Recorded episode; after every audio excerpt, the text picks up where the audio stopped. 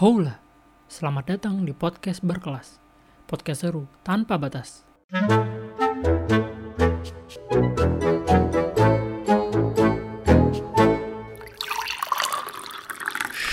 Udah, dengerin dulu aja.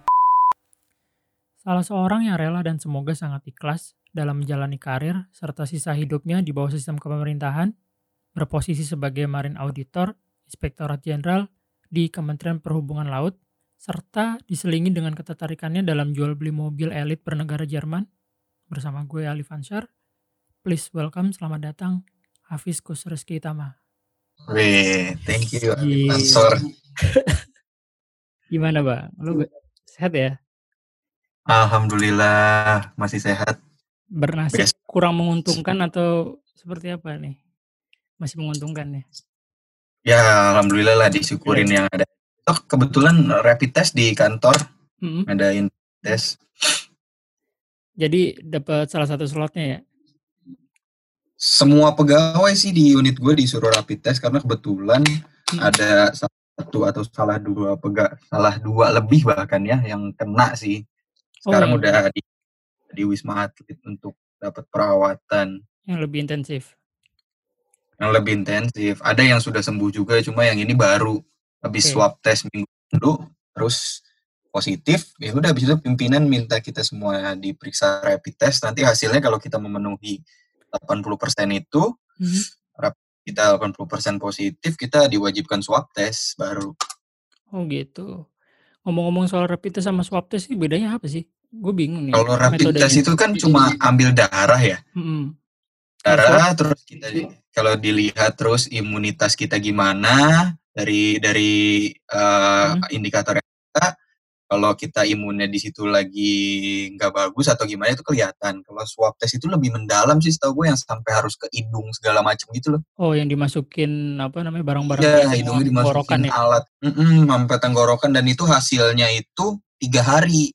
Oh kalau swab test cepat kan namanya rapid kan cuma sejam keluar Hmm. Cuman ini kepresisiannya seperti apa itu? ke pre- presisiannya sih lebih jelas presisiannya swab ya cuma kan Heeh. swab hal, hal dan terbatas makanya Oke. yang indikasikan sebagai ODP atau PD, sampai PDP jangan sampai ikut swab ikut rapid test dulu aja untuk memastikan Hmm. Oke oke lah. Semoga sehat selalu satu unit lah ya, satu kementerian ya. Biar nggak menyambar Amin. ke yang lain-lain nih. Oke, yang pertama nih kan. Hafiz Kusreski Tama berawal dari seorang marine finance ya di salah satu perusahaan multinasional dilanjut menjadi sebuah pelayan negara. Walaupun bidang secara general masih sama marine-marine juga ya Hmm. kan. Hanya saja dulu mungkin bagian finance sekarang menjadi seorang regulator. Apa yang terpikir di benakku sebenarnya dari apa istilahnya ya bukan banting setir juga ya. Cuma sama-sama marine cuman dari segi pekerjaan tuh seperti apa kira-kira menuju ke titik yang lebih baik atau ya stagnan di titik itu karena mungkin sama-sama marine atau Hmm, sebagai apa nih sebagai regulator ini? pertama perlu digarisbawahi dulu ya kan dulu gue ber apa ya istilahnya berawal dari gue itu kuliah menjadi aktivis lah istilahnya gitu ya Iya. Jadi aktivis kita yang berada di luar sistem kita yang istilahnya menyuarakan suara para kalau bahasanya Soekarno ya marhin lah ya Marhin. kaum marhin ya, rakyat jelata kita suarakan terus ketika kita menjadi lulusan dari satu kampus kita sekarang harus kontribusi nyata dong ke negeri Hmm. kita gitu Iya betul.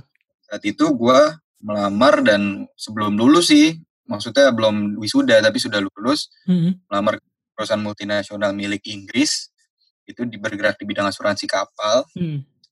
itu gue alhamdulillah diterima gitu kan Iya. pada saat gue pekerjaan gue sih gue happy semua happy dan semua terasa cepat kita juga ya langsung digunakan istilahnya ready to use ya Ready to Ready use. to- Heeh, kita ngegunain skill kita kebetulan juga ada pelatihan pembelajaran dan lain-lain yang gua waktu itu berhadapannya sama regulator juga karena gua harus ngurusin sertifikat-sertifikat kapal yang yang which means harus eh, ke kantor perhubungan lah Kementerian Perhubungan hmm. pada eh, hakikatnya eksekutif kan diwakilkan oleh dia kan Iya. terus ketika gue mengadjust sesuatu, melakukan pekerjaan kan produk gue adalah laporan ke asuransi. Hmm. Nah itu harus dipotong sih waktu itu gue ngeliat harus dipotong ke Inggris. Loh padahal Inggris nggak ngasih kontribusi apa-apa buat di Indonesia ya kan. Hmm. Gue pakai perusahaan multinasional dan Iya. persetujuan dari orang Inggris gitu kan otomatis harus ada commission fee buat dia. Dia Ya, bisa betul. aja. Akhirnya gue mikir kok kayak gini ya kita yang survei capek ini capek segala macem. Gue ngeliatin kok kayak gini aja gitu. Maksud gue gue belum nemu satisfaction sih di situ. Di Terus juga- tempat yang pertama lu ini kan. tempat yang pertama terus ya waktu itu bukan apa ya cuma gue melihat gue bekerja untuk orang lain gitu untuk negara lain juga ya so gue bukannya tipikal yang terlalu nasionalis ya cuma gue mikir kok gini-gini banget gitu loh kurang kurang kurang puas aja karena Hmm. kan dan itu kan tergantung ya orang beda puasnya gitu loh ada yang Iya, orang puas puasnya beda-beda. menghasilkan duit yang konyol buat gue puas gitu kan Bisa jadi hmm, ya berpikiran kapitalis, imperialis dan lain-lain pasti semua kayak gitu ya. Cuma kan Iya. kita nggak bisa kayak gitu kan, itu masing-masing. Dan gue itu di situ ada peluang gue, wah gue ngurusin surat perhubungan terus nih. Ya tapi ada ternyata ada lowongan ke sana gitu kan pada Hmm. saat itu gitu. jadi udah sempat ada sinyal-sinyal persinggungan di awal ya.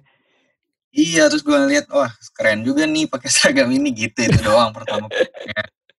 Tapi pas itu ya gue coba aja, coba gitu kan kata orang ya kan ada apa bayar-bayar lah segala Hmm. macem. Cuma amin sih tahun 2018 dan sistem udah langsung ya, pakai komputer assisted test ya, Computerized Hmm.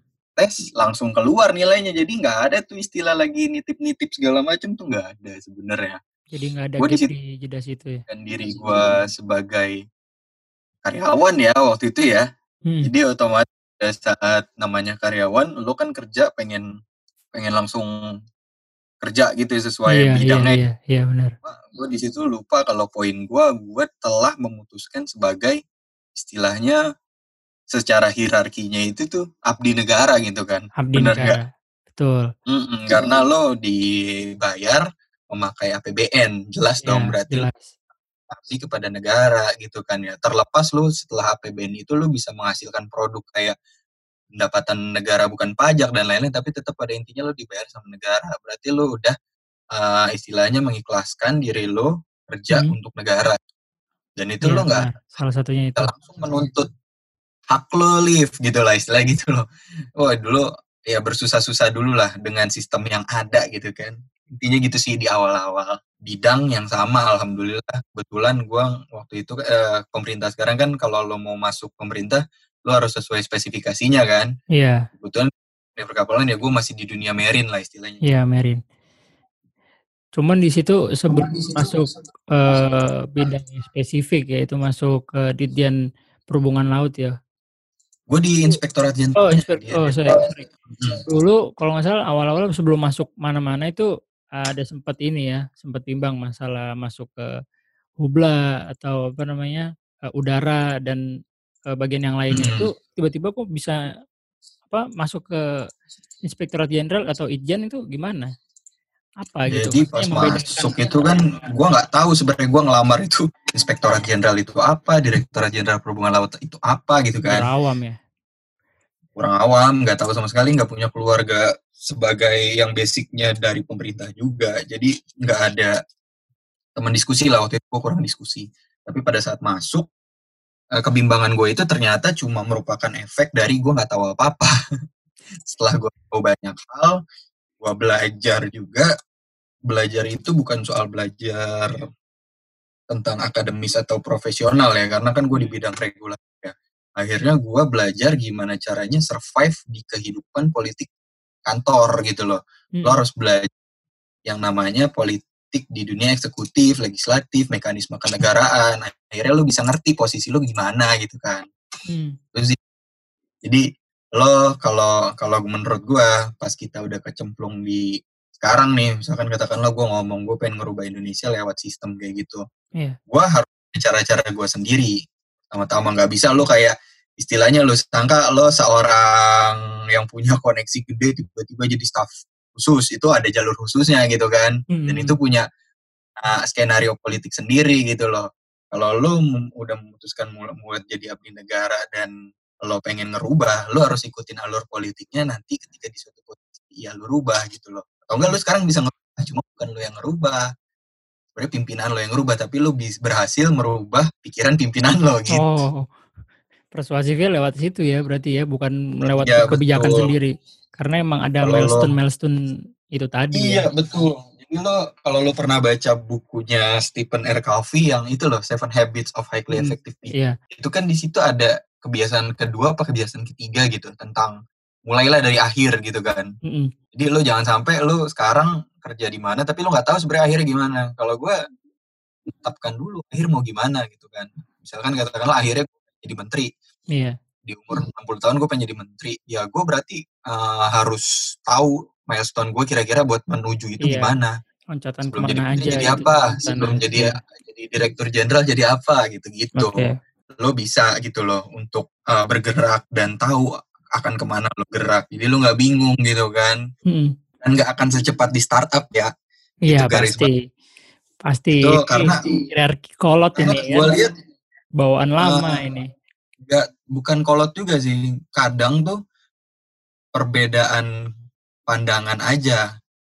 Soalnya kebanyakan pandangan anak-anak zaman sekarang yang lulus di tahun 2010 sampai 2020 ini banyak kan berpikirnya emang pragmatis gitu Pragmatis tuh dalam arti instan gitu, semua hmm, serba instan. Iya, iya. Sama zamannya serba instan. Gue pengen salah gua satu, satu jadi senior manager, gue pengen ini jadi ini gitu. Cuma lo nggak tahu gitu kan uh, rules yang berada itu gimana. Kalau lo pengen jadi senior manager atau gue pengen jadi senior manager, gue bikin aja perusahaan sendiri. Gue bisa kok nanti setahun dua tahun jadi senior manager, bener nggak?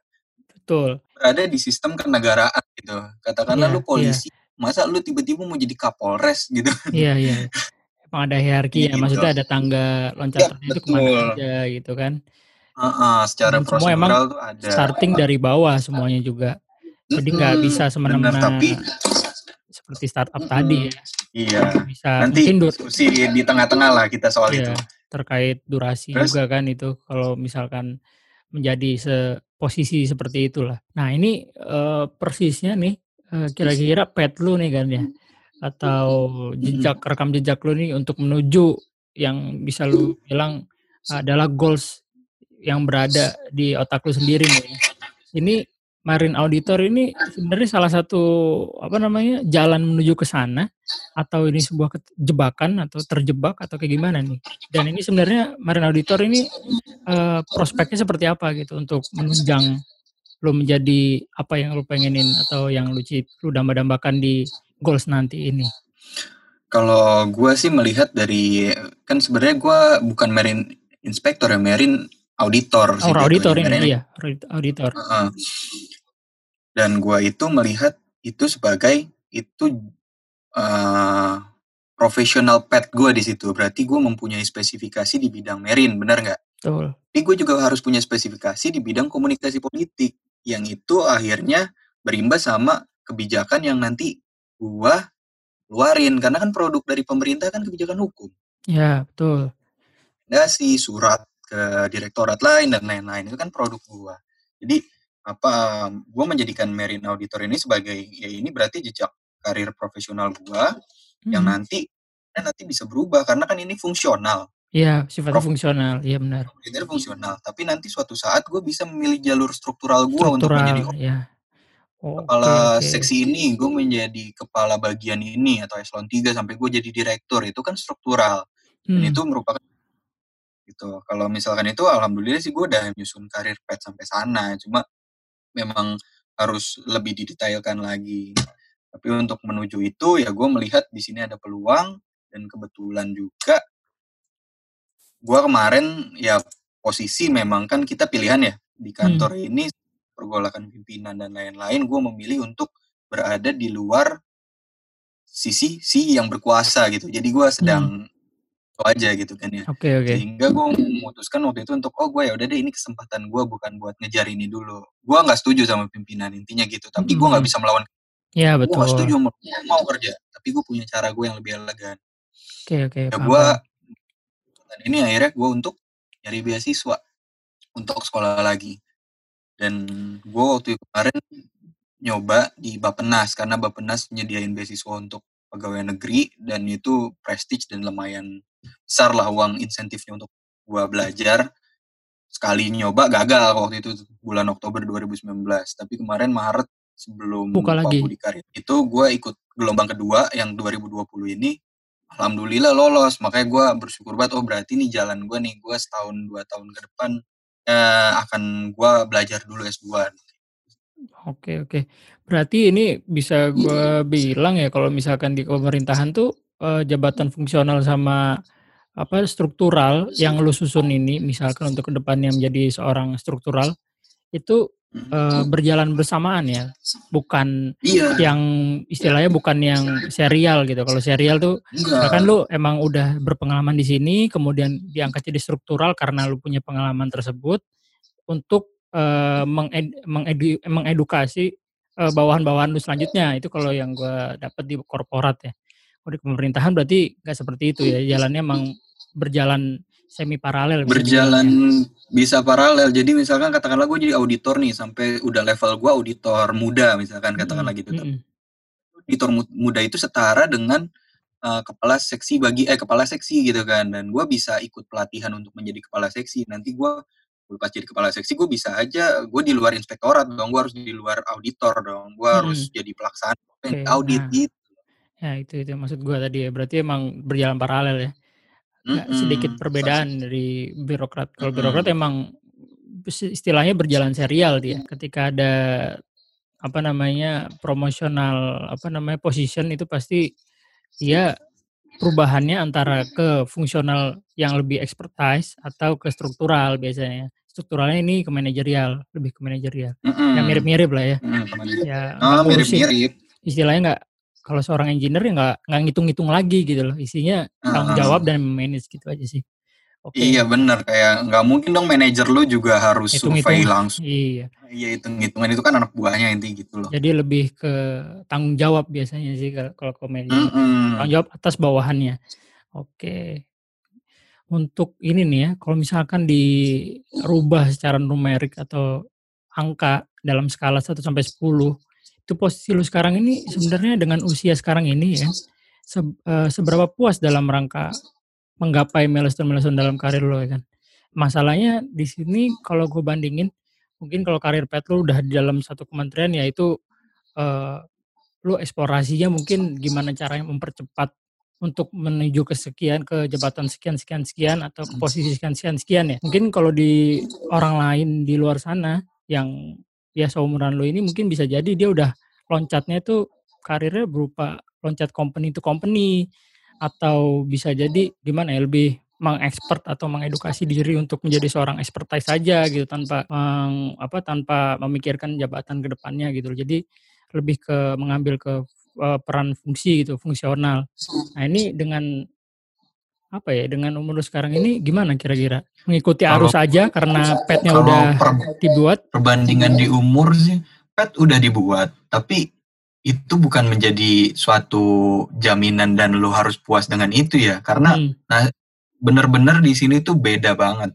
Eh, maksud gua di tahun 2011-an ke atas lah ya semenjak eh, apa namanya dunia cyber itu udah banyak ya, jadi sem- semua tuh serba transparan kan. Mm-mm. Jadi terbuka. banget yang seumuran gua dan yang misalkan di kantor ini di Kementerian Perhubungan secara profesional dan secara finansial juga udah jauh lebih Hmm, kan lebih daripada orang-orang yang udah lama ya ngantor. Jadi kalau rezeki terkait dengan finansial tuh nggak bisa dibandingin. Iya, betul. Nggak bisa dibandingin karena tiap orang punya spesifikasi masing-masing. Karena Betul, paham. gaji ya kalau namanya PNS gaji sama semua cuma tunjangannya memang yang berbeda-beda itu tergantung resiko pekerjaan lo kalau di kantor itu jadi nggak bisa lo samain oh ini segini Iya, ini nggak bisa Kita close kalau misalkan perihal rate salary mungkin oke kita close itu Nah. bukan jadi sebuah patokan kita ya di diskusi. untuk dari segi ini. kepuasan gue sih Hmm, ah, kepuasan satu satisfying gimana? bisa dibilang delapan setengah lah ya gue puasnya 1 tuh sampai satu 10. Mm, karena gue satu puasnya gue dikasih kemampuan untuk bikin kebijakan buat orang banyak yang itu sebenarnya gue sukain dari zaman kuliah bahkan dari SMA kali ya kuliah gue dulu bikin satu kebijakan dipakai sama sekampus atau di luar kampus dan ini terjadi lagi gitu gue bikin rekomendasi ini dilakuin akhirnya jadi peraturan menteri gitu kan jadi jadi peraturan apa dan itu jadi dipakai gitu loh jadi Hmm. bermanfaat Iya, iya. berdaya guna dan ber, ber apa ya bermanfaat gitu terus kedua gue secara profesional tetap bisa di bidang merin bahkan bisa mendalami. Dan yang ketiga gue disupport untuk pendidikan. Gue disupport untuk pendidikan yang mana sebenarnya teman-teman gue yang katakanlah untuk di multinational company atau bekerja Hmm, untuk hmm. orang itu dapat kesempatan itu. Kadang mereka ya oke gitu merasa expertise expertise tapi sebenarnya nggak sadar ternyata dirinya itu diperas aja gitu loh Hmm, hmm, hmm. diperas aja tapi nggak dikasih nggak dikasih pengembangan karir Privilege dan segala macam ya. Hmm. misalkan katakanlah karirnya di umur 35 lu tau, umur 25 udah jadi manajer 30 Hmm. senior manager lu akan dibentokin di senior manager aja gitu karena perusahaan itu bukan milik negara atau enggak perusahaan tersebut masih private gitu loh belum jadi Hmm. public gitu. belum go public akhirnya sedangkan gue di sini bisa masih bisa berkarya gitu untuk jadi apa bahkan tidak ada peraturan yang melarang untuk gue membuat kayak contohnya perusahaan sendiri gitu kan di bidang expertise merin gue asal tidak ada konflik interest sama Nah, kerja situ dalamnya. Itu aja sih jadi lebih banyak kesempatan yang diberikan sih dan itu tergantung kita memanfaatkannya gitu. salah satunya kan tadi lu bilang gue berjualan mobil nih Hmm. nah itu salah salah satu apa namanya kesempatan gue bisa jualin itu orang-orang yang gue kenal di kantor Itu ya, itu salah satu yang terlihat tidak apa ya, istilahnya tidak terlihat manusiawi aja karena emang mencari rezeki ya kan. Cuman itu apakah bisa jadi sebuah skandal kesandung eh, apa kesandung menjadi sebuah konflik apa kepentingan gitu. Kayak yang akhir-akhir ini kita lihat di ring setengahnya presiden ya kan. Eh, bukan ring satu lagi itu, ring setengah tuh. Tahu kan Mas itu Buga? itu tandanya sebenarnya ya dia terbuaya aja sih sama posisi tapi nggak mikir kalau sebenarnya posisi dia lebih baik di luar sistem karena sebenarnya untuk menjadi langsung di dalam sistem itu tandanya lo nggak boleh show off keluar gitu karena akan menimbulkan Hmm. pertanyaan itu sih contohnya gini loh soalnya yang duit yang dipakai duit rakyat Iya benar, APBN masalahnya. ini buat kepentingan rakyat lah tapi ngapain pakai lo? Gitu loh kayak gitu. Mending lo di luar sistem aja gitu. Jadi kita tahu itu ternyata dipilihnya sama orang banyak. Itu sih sebenarnya. Salahnya di situ aja sih. Dia nggak tahu langkah politik. Mungkin juga dulu ya karena juga mungkin lulusan mana sih orang-orang itu? Lulusannya lulusan benar-benar yang expertise di bagian Per- manajemen sih menurut gua sih. nggak tahu Atau pergerakan politik di Indonesia kali sampai salah bikin surat itu kopnya segala iya macem. makanya itu ya itu saya pelajaran administrasi negara yang sebenarnya harus dipahamin dulu sebelum lu jadi expert gitu loh. Oh, so- soal administrasi negara aja dia nggak diekspertin gimana lu mau buat kebijakan? Dia profesional, tidak tidak tahu administrasi negara sama aja buruk gitu loh. Harusnya Iya, tahu iya. juga.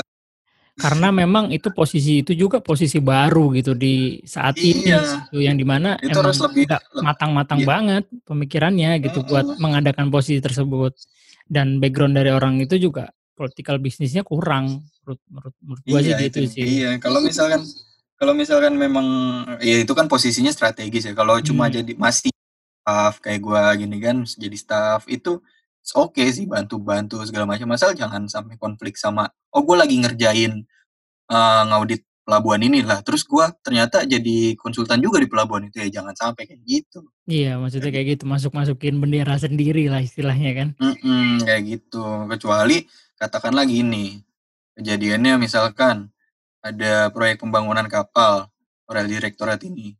Nah gue diminta untuk pendampingan terus ternyata konsultan desainnya nih jelek nih. Terus gue ngomong ke konsultan desainnya bisa nggak gue bantu? Kayak gitu. Sampai ini bagus hasilnya kayak gitu. Itu boleh boleh aja. Mm-mm. gitu. Jadi yang penting kan hasilnya nanti bagus. Jangan sampai mengecewakan. Buat apa kita ngawas ngawasin tapi kita tahu konsultannya jelek yang terpilih jelek dengan sistem yang ada terus kita biarin gitu loh. Jangan sampai Mm-mm. kan kayak gitu. Justru itu malah kebobrokan dari pengawasnya sendiri yang nggak peka terhadap konsultan kualitas konsultannya ya kan. Mm-mm. Gitu sih sebenarnya emang ya wadahnya seorang staff sus milenial tuh emang buat internal aja sebenarnya nggak nggak exposure ke luar. Iya, Orang tujuannya cuma betul. tujuannya cuma Dia harusnya tinggal nyuruh. kok. Iya, betul. Dia tuh harusnya tinggal nyuruh menteri doang, nggak usah dia Betul. gerak. Ringnya ring setengah loh. Setiap hari ketemunya Pak Pak D terus itu. Bukan bukan menteri-menteri lagi, ketemunya Pak D, terus habis itu atas rekomendasi Pak D, ya kan, Pak D Jokowi, dia mengeluarkan sesuatu gitu, pemikiran. Sebenarnya kan gitu, gitu. Yang dilihat dari orang-orang ya. Bukan menjadi dia mak apa, makai panggung segala macam seperti sekarang gitu kan. Oke. Ini, eee, perihal ini ya, kementeriannya mungkin nanti di segmen terakhir ya. Ini selanjutnya nih Mhm. berbicara soal mobil ya kan. Tadi udah sempet nyinggung juga lu kan.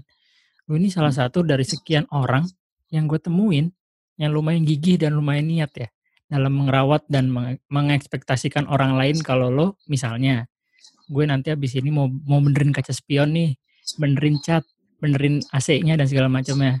Dan gue pikir lu bakal ngerjain itu, tapi entah ngerjain semuanya atau sebagian aja gue nggak tahu. Dan apakah itu adalah salah satu gimik atau bakat seorang pedagang mobil? Gue kadang suka nemu orang kayak gitu sih Bang, masalah ya orang Hmm. yang punya mobil emang terawat sih. Jadi terus kalau udah ngomongin masalah mobil dia pasti pengen upgrade ini, upgrade itu, upgrade ini, terus ujungnya Hmm. dijual. Dan dijualnya nggak Hmm. jauh dari situ gitu yang beli gitu. Bisa jadi Hmm. ya gua ini ya kan, lu kan suka Hmm. itu ke gua nih kan.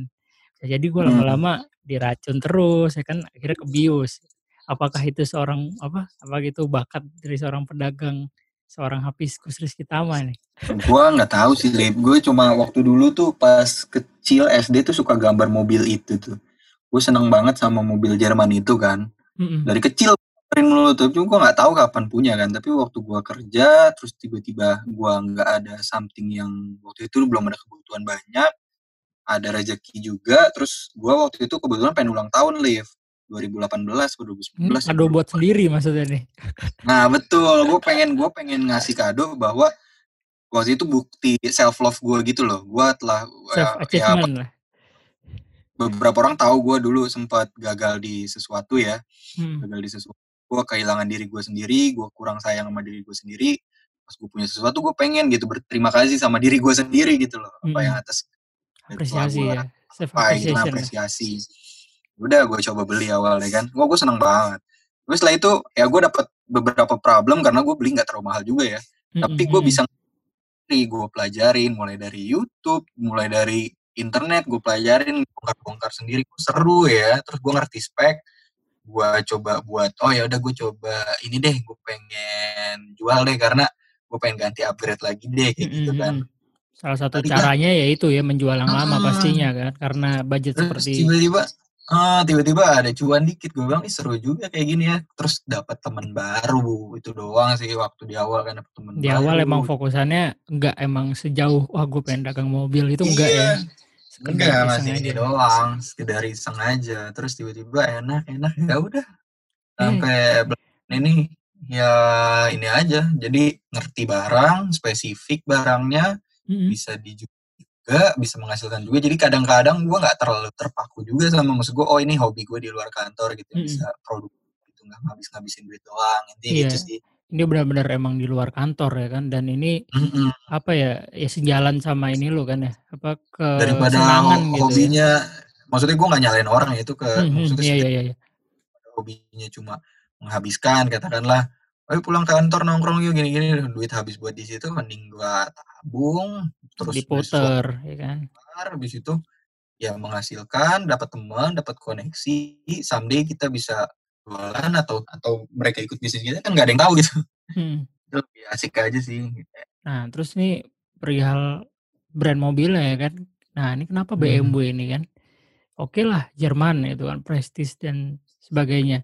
Tapi kan yang gue lihat ya walaupun gue gak begitu hafal perihal merek mobil ya, masih banyak ya mobil di lu prestis di luar sana ya. Jadi kayak ya dalam satu kotanya eh, satu negaranya ya kan ada Mercy ya kan, terus mungkin Jepang yang luxury-nya ada Lexus dan segala macam ya. Nah, ini kenapa nih BMW? Spare gua atau suka perawatan suka atau dari kecil. Gua awal suka BMW emang dari kecil. Kedua, karena gue ternyata pas ngelihat BMW itu, itu spare part-nya yang paling banyak di Indo, masih banyak Berlimpah untuk malahan itu ya? dari tahun 90-an ya sampai tahun 2010 masih banyak ketimbang Audi, Audi dikit sekali. Mercy Hmm. lemah. Mercy tuh kesannya tua gitu. Jadi gue dari Hmm. kecil nggak suka. Sukanya yang lebih sporty yaitu seri 3 kan di BMW. Jadi gue pilih itu sih sebenarnya itu. Dan Jerman gitu loh. Soalnya bahan dan dura- durability nggak bisa bohong memang. German Engineering ya? Ketika emang lo megang nih ya katakanlah dashboard lo bandingin mobil Jerman BMW 2001 sama Agya atau LCGC yang lainnya lah. Gue nggak Hmm. sebut Agya. LCGC yang lainnya lu pencet itu soft touch. Tapi kalau mobil LCGC itu keras plastik tok tok tok tok gitu loh. Hmm, hmm, hmm. Coba. Salah satu ya, maksud gue belum tentu lagi spare part dan mesinnya gitu. Si mobil LCGC itu bisa sampai umurnya 20 tahun lebih loh. Hmm, hmm. Tapi Makanya sedangkan ini- ini 20 udah umur 20 tahun dari tahun 2000 sampai sekarang masih enak gitu kayak mobil baru dan itu kayak jadi kesenangan tersendiri aja. Kepuasan ya. Eh, dapat feature yang segitu mewah, segitu bagus dengan harga yang di bawah 100 juta kebanyakan. Hmm, hmm. Sampai tahun 2000 pun masih ada. Gue lihat juga beberapa di apa di akun jual-jualan ya di IG juga lihat wah lumayan emang menarik Iya. Dan sebenarnya udah sih. pasti itu dan udah pasti itu cash dong, nggak kredit kan. Betul. Ya itu itu salah satu apa namanya ya ya se Menghindari riba. Lid. Nah iya benar. menghindari riba. Secara agama oke, us mantap itu. Terus yang kedua prestisnya dapet ya kan, prestisnya dapet. Terus cash lagi belinya itu lebih mantap gitu dibanding yang kredit-kredit. Mm-mm. Berarti Mercy ini ter, kalau menurut lu terkesan tua ya bahkan ya. Tapi ada yang bilang Elegan sih buat bapak-bapak. Tapi eh, yang gue tahu sih bukannya malah ini ya, malah Mercy yang spare partnya melimpah daripada BMW. Atau gimana? Sepengetahuan lu gitu. Enggak juga sih. sepede itu. Sesuai pengetahuan gue sih di Jakarta banyak banget ya bengkel BMW dan kampakan BMW kayak di Depok, Tanah Kusir, di Bekasi pun ada. Dan di tahu sendiri kan di Pondok Indah setiap malam kadang kan atau Bintaro itu kan ada drift-driftan E36 BMW kan, bukan Hmm. ngedrift-driftan Mercedes kan. Iya bener sih. Mercedes emang buat orang yang duduk di belakang sebenarnya sih. Duduknya cocoknya Iya, di belakang betul. bukan yang di depan. Yang gue lihat sih seperti itu. Oke, itu salah satu alasan untuk ya. Hmm, tapi untuk ya kalau dengan hobi dan sekarang lagi corona sih kayaknya harus di stop dulu ya Di karena stop dulu ya. mm-mm, semua ber inilah daya beli sih jatuhnya sama ini aja nyimpen duit sih orang-orang kebanyakan sekarang ya. Mm-mm. Lagi dolar juga lagi ini sangar ya roller coaster nih. Kemarin pas lagi apa turun rupiah menguat masuk berita. Terus gue cek lagi beberapa hari udah ya seperti kondisi pertama ketika masuk corona sih sebenarnya ini. Jadi untuk state eh, part-part itu agak sulit ini untuk menjadikan acuan harganya sebenarnya. Iya, apalagi misalkan katakanlah gue sekarang lagi pengen jual nih mobil bagus tapi tapi wah harganya turun, jadi mending ditahan aja deh udah nanti aja nunggu keadaan membaik.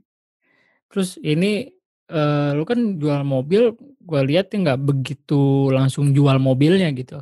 Se Mm-mm, sebelumnya tuh gue lihat ya kayak jual peleknya, ganti velg, terus ganti mm-mm, apa bumper depan apa segala macam lah modif-modif minor dulu dan itu bisa dijual kembali gitu kayak entah mm-mm, velgnya dengan brand apa dengan original eh, velg original mm-mm, maupun brand-brand yang bermerek Rotiform segala macam lah.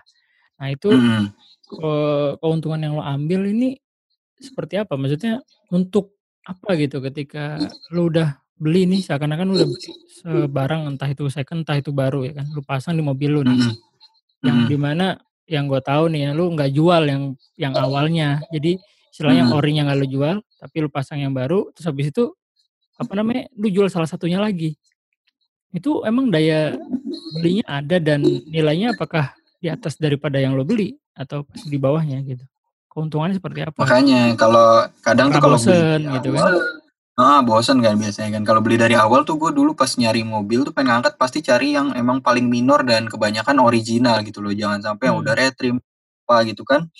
Cari paling ori dan harga masuk akal bisa dinego. Oke, bukan pedagang yang jelas kan. Hmm. Pedagang beli Pemilik dan ya pertama lah. Mm. danin terus gua ya sesuai keinginan gua someday gua jual terus gua pengen ngeliat kan hmm, kalau udah gua modif gini gua jual kira-kira orang pada mau beli nggak ya takutnya kemahalan karena kan kadang orang kan nggak tahu ini kan nggak tahu harga kan pengennya wah ini tipe ini mah segini pasarannya cuma dia nggak tahu kalau partnya nih udah X atau setirnya udah M Sport terus Hmm. headnya double din segala macam lah kayak gitu Udah bukan gitu. bawaannya tipe tersebut bawaannya lah ya. tapi tapi bagus gitu intinya akhirnya gue mikir kan ternyata lebih untung kalau diecer Nah, ini maksud gua.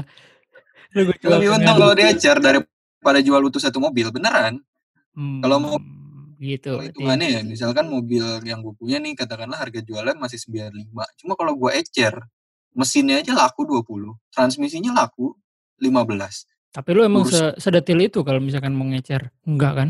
iya sampai Oh, sedetil itu. sampai tuh handle handle pintu pun dijual. Handle pintu itu satunya bisa 350 ribu.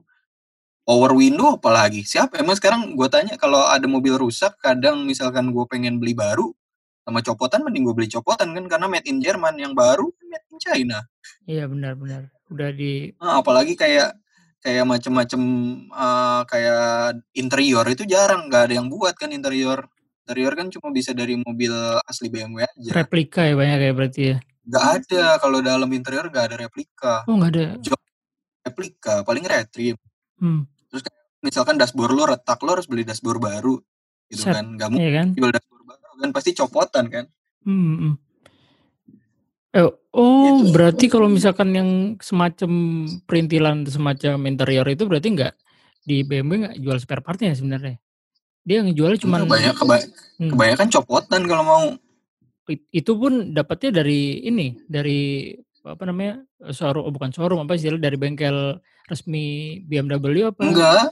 Enggak dari Oh. misalkan katakanlah lu punya mobil nih mobil lu uh, udah jelek banget orang deh punya mobil udah jadi jelek banget sampah rongsokan gitu kan cuma ya interiornya masih bisa dijual kalau gue beli deh 15 juta 20 juta gitu kan Yaudah lu jualin aja pelan-pelan itu bisa lu dapat untung sampai 50 70 juta justru ngambil dari limbah-limbah ya kayak gitu ya? harus iya orang di Surabaya ada kok Hmm. ada namanya Ford kayak gitulah dia dia konsepnya gitu dia dia beli mobil bekas yang jelek banget diperintilin dia jual satu-satu di platform Instagramnya itu kalau mau jadi pedagang beneran ya cuma kayak Iya, jadi iya. pedagang rok cuma itu karena hobi ya mungkin jadi kayak oke lah dia lakuin gitu kita lakuin namanya hobi kan gak ada yang tahu dan emang itu sebenarnya ada sekumpulan orang itu tersebut itu unite-nya itu tersebut itu iya itu. benar. jadi, Jadi dia pede juga- gitu buat jual kayak gitu. deh kayak gitu aja sih. Tapi kalau gue sih belum menjadikan ini sebagai kayak gue dagang ini yang gue cuma lagi masih di titik hobi aja. Nanti paling juga kayaknya sih kemungkinan akan berakhir ya bentar lagi setelah gue nikah. Kayaknya berakhir.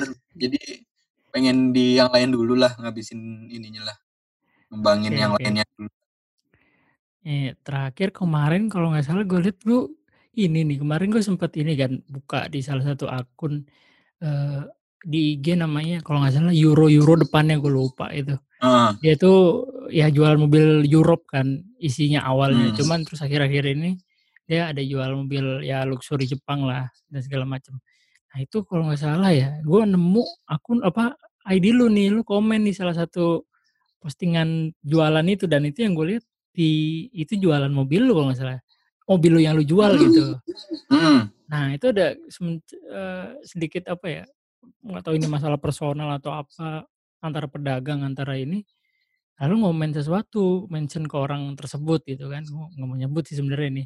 Hmm, dalam dunia eh, apa namanya itu ada konflik semacam apa dan apakah itu wajar gitu untuk menjelek-jelekan barang-barang orang lain di ya istilahnya ini jualannya bukan jualan yang receh-receh gitu bukan jualan HP Hmm. yang itu jelek tuh nggak usah dibeli gitu segala macam ini jualannya mobil-mobil ya satu mobil ya kan yang kedua ini mobil-mobil dari Jerman gitu yang di mana prestisnya tuh pasti di atas Mm-mm. dari dari yang receh-receh gitu menurut gua apakah Hmm. memang ada gitu atmosfer yang tegang seperti itu gitu jual-jualan saling merendahkan segala macam itu jadi eh orang itu itu bukan platform aslinya kan? Hmm. yang 77 Airshop itu. Kalau Itu salah itu.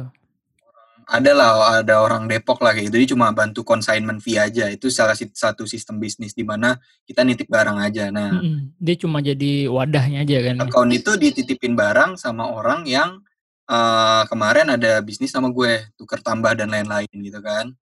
Sudah ada ya karena sebenarnya dia juga sebenarnya temen ya. Tapi ya itu dia dari gue pengen ngomong kalau bisnis itu kita emang kadang-kadang nggak boleh madang ini temen terus barang bisa bagus gitu nggak boleh. Gue kecolongan hmm. di situ. Ternyata temen gue yang kecolongan juga di situ satu dua orang gitu loh. Yang oh, udah ketahuan ya. okay.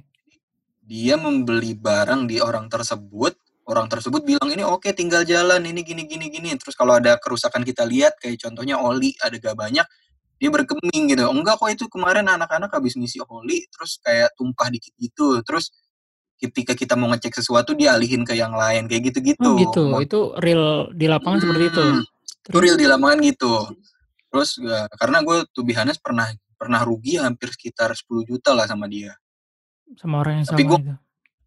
Itu kan biarin hmm. orang ya udah coba beli aja nanti gimana ininya. Karena ternyata tuh orang ya pokoknya ada ngakal-ngakalin sesuatu lah kayak gitu. Jadi contohnya ya gue kemarin dapat uh, barang dari dia gue starter katakanlah mobil nih ya gue starter set mati cuy nggak mau ngangkat akinya mau ngangkat dulu ternyata pas gue lihat akinya yang harusnya spesifikasinya 80 ampere aki hmm. kering BMW 33 ampere aki kecil lu bayangin deh Tinder contohnya gitu Waduh. dan ternyata waktu itu di klub ada namanya E36 Bintaro teman gue nge-share ke gue, nih ada orang protes beli di dia nih. Gue tanyain orangnya kan, lu kenapa beli di dia? Oh gue dibohongin bro, dongkrak nggak ini, terus baru sehari make setirnya kok lepas. Waduh gila. Waduh gila. Bilangnya udah tune up, tapi ternyata olinya udah hitam, busi mati satu, dari enam mati satu kan pincang kan tandanya. Iya pincang kan? pasti. Power steering kayak gini, gini. Gue bilang kan, gue bilang kan, wah ini harus diberi pelajaran nih gitu kan ya. Maksudnya gak cuma gua doang ternyata kok orang lain korban. diginiin juga gitu. korban juga akhirnya kita lapor ke komunitas itu si Andre namanya hmm. Andre itu lapor ke komunitas itu gue juga lapor ke komunitas itu ya udah di blacklist hmm. lah dia nah oh, gitu. gue akhirnya gue ngelihat ternyata mobil yang sempat gue jual ke orang tersebut hmm. jual mahal waktu itu ke orang itu di pos gitu kan terus gue ya tahu ya itu ya ya ah, mobil itu, itu kan. Hmm. mobil itu. Terus gue lihat waktu dia motoin kap mesinnya kok ada yang aneh gitu ada yang udah dicopot-copot nih. Dari yang punya lu ya? pernah, pernah punya kan? Hmm, hmm, terus merasa uh, pernah miliki di, di dalamnya kok ini kok pernah udah diginiin? Gitu kan. Nah, ini diakalin apa lagi? Jadi itu sebenarnya dashboardnya tuh kayak udah dicopot bukan dashboard punya gue. Hmm. Ngomong hati-hati nih yang beli gue yang gitu. Karena pengalaman gue kemarin ngangkat dia gitu. Untungnya mobil yang gue ngangkat dari dia nih udah laku intinya gitu lah. Dan gue udah gue benerin. Dan benerinnya itu rugi 10 juta itu. Jadi gue jual itu jual balik modal aja. Ya alhamdulillah lah. Gak jual untung. Berarti emang di dunia apa ya istilah itu jual mobil semacam itu tuh ya untuk menaikkan margin keuntungan yang bisa jadi ya. Salah satunya dengan mengurangi iya, part-part seperti itu kan ya buruknya seperti -hmm, itu margin. ya kan case -hmm. yang paling terburuk itu paling hina lah orang jual kayak gitu Hmm, dan di situ, uh, istilahnya akses untuk menjual part-part atau benda-benda atau equipment-equipment dari mobil itu, mobil dari BMW ini, ada hmm. semacam ada otoritas dari Unity atau tadi itu ya, semacam grup kayak gitu kah? Atau semua orang Iya, ada. seperti apa? sebenarnya tergantung juga ya, kalau di Jakarta gini-gini sebenarnya di Facebook banyak juga hmm cuma Jakarta juga banyak juga, tergantung tipenya juga. Cuma kadang kalau kita udah lama main di dunia ini, ya 2 tahun, 3 tahun dunia ini, kita tahu lah mana yang emang penjual ini jujur, mana yang enggak gitu kan. Mhm. Aja sih paling sih dan kita info aja kalau sampai ada suatu kecurangan yang kita terima, kok ini, oh ya udah jadi kayak catatan aja nih penjual nggak jujur. Karena yang paling penting sebenarnya kejujuran aja kalau jual, namanya barang bekas ya, pasti kan ada sesuatu yang harus uh, periodik diganti. Ya? Iya. Ada juga yang sebenarnya emang gak periodik tapi harus sudah diganti ya dan itulah yang harus diungkapin gitu bukan lo harus menyembunyikan gitu loh dan ketika udah kelihatan tiba-tiba ngomong gak kok ini gini gini gini gini gitu kan Itu sih. Itu efek jerahnya udah kerasa sih katanya ya kata teman gue sesuatu uh, beberapa ada yang ngomong akhirnya barang dia nggak terlalu laku kan sekarang gue bilang ya nggak apa-apa efek jerah dulu lah. Ya itu salah satu ya itu gajarannya sih menurut gue sih. Gajarannya dia Mhm. bagaimana dia bisa seperti itu gitu. Oh yang gue tahu ini nggak tahu ya ini benar apa enggak. Infonya sih katanya ya kalau misalkan lu beli apa namanya BMW bekas segala macam itu bisa Mhm. bisa kedatengin ke showroom atau ininya BMW ya untuk dicek-cek untuk orang. Itu lu pernah ngalamin? Bisa kok. Itu sebagai Kalau jasa gua gitu, sih sebagai konsultan atau kalau advisor kalau ya? gua sih ini gua ya kalau pengen jualan ke orang gue bilangin ya udah yuk ke bengkel BMW-nya aja yuk sekalian Hmm. di-scan.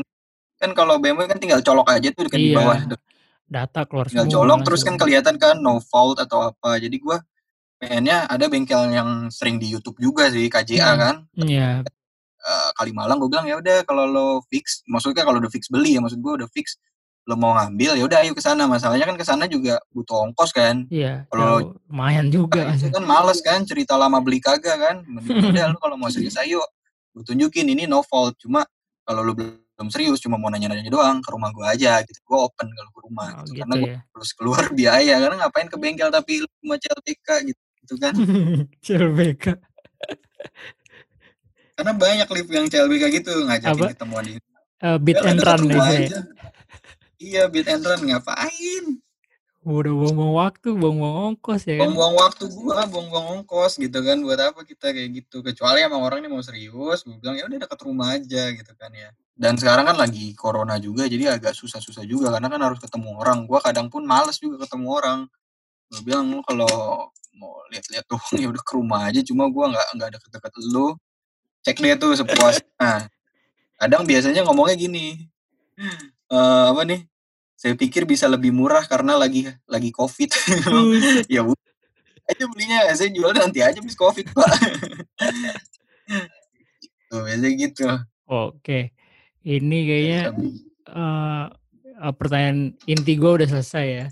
Ini gue masuk segmen terakhir nih. Pertanyaan singkat dan dijawab cepat ya kan. Hmm. Bisa ngerti kan maksudnya ya? Coba dulu Ah. misalkan misalkan ya. Mau nggak misalkan dinikahin sama Pevita Pierce misalkan ya. Jawabannya apa? Ah. Misalkan mau gitu kan. Alasannya apa singkat gitu Ah. aja. Gitu ya. Ini ada satu, Iya. dua, tiga, empat. Empat, empat pertanyaan nih. Jawabannya cepat dan alasannya kalau bisa sebaris aja. Maksudnya Hmm. sekalimat aja gitu. Eh, yang pertama ya, siap-siap. Jakarta apa Surabaya? Jakarta. Alasannya? Karena udah semua kehidupan di sini. Oke, yang kedua. Berkarir bersama orang yang lo anggap musuh dari pertama kenal, mau apa enggak? Mau. Alasannya? Karena someday semua bisa jadi ada kemungkinannya. Teman bisa malah jadi sahabat. Oke. Gaji kecil kerja nyaman, gaji besar penuh tekanan. Gaji kecil kerja nyaman. Kenapa tuh? Karena lo bisa coba yang lainnya karena nggak perlu digaji, lo bisa gaji orang. Ini out of the box nih pertanyaan. Masuk partai. Oh iya jelas. Wis, gini gue suka. Ini agak panjang nggak apa-apa kalau yang ini. Ya karena lo nggak mesti harus terus di eksekutif, lo bisa legislatif, lo kan punya hak warga negaraan di sini. Berarti Asal ini kalau misalkan lo mau milih partai, lo, lo keluar eksekutif gitu. Iya, iya, iya benar ya itu Oh, ya. itu Cuman aja. ini ini lo aja nih dari batin lu pengen nggak gitu kan? Masuknya ini pertanyaannya Ya seperti pengen itu. lah, Pengen ya berarti ya. itu jadi jadi satu kendaraan. Oke. Gue Alif. Gue Hafiz. Sampai berjumpa di episode podcast selanjutnya. Bye bye. Ciao. Udah dengerin dulu aja.